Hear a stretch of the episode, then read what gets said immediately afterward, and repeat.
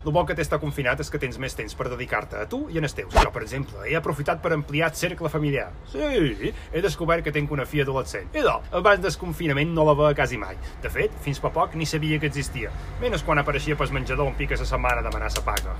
Que me'n demanava 10 i sempre acabava amb un bitllet de 50. Cago en d'ell. Jo no sé com puta et sofó. Jo crec que n'ha pres de sa mare. Bon, una és aquesta per treure'm els quartos. Amb elles dues a la taula de diàleg, t'he dit jo que en Sánchez mos donaria el que toca. Vamos! Que podries fer-te mecenes meu per lo que costa un cafè?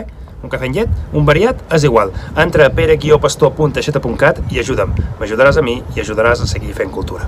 La veritat, però, és que la veig poc a la meva filla i me sap greu. Està més temps tancada a la seva habitació amb el TikTok dels nassos que els temps que tarda anar de Colau en contractar un nou assessor. En canvi, és petit, diu que li agrada cuinar. Que la gran vol ser com en Xicote, per anar per restaurants a dinar i sopar gratis, i que si no li agrada el que menja, pot entrar a la cuina a pegar quatre crits en el cuiner. De fet, la primera experiència del petit va ser quan tenia 4 o 5 anys. El vaig aglapir amb un guinivet d'aquells enormes afilats intentant tear fuet. Quan ho vaig veure, li vaig deixar ben clar que res de tocar aquell guinivet fins que no els tingués ben peluts. De sort, va aprendre que el fuet se menja mossegades i no el va fer servir mai més. El problema és que dies després el me'n vaig endur a fer sa compra i en arribar a la carnisseria, el pobre se va quedar embambat mirant el carnisser com teava aquelles peces de carn amb aquells guinivets tan grossos. En la botiga plena de gent, el meu fill, tot innocent, se gira i me diu «Papi, aquest home sí que els ha deu tenir peluts, eh?»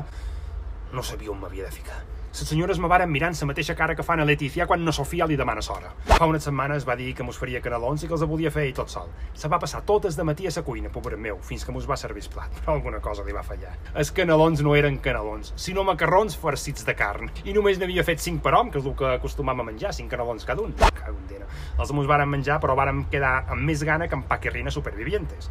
Així que varen fer un assalt en el rebost per veure què més podien preparar. Mentrestant, sa filla adolescent, que té un canet petit i molt graciós d'aquells que mai fan renou, mai, mos va demanar si li havíem donat de menjar. Jo li vaig dir que no, que nanai de la Xina, que escat seu i que l'obligació de donar-li menjar era seva. Se va jupir i va treure la llauna de menjar d'escar buida de les escombraries. En aquell moment vaig donar gràcies a Déu de que el petit cuiner no hagués sabut fer canelons en format més gran.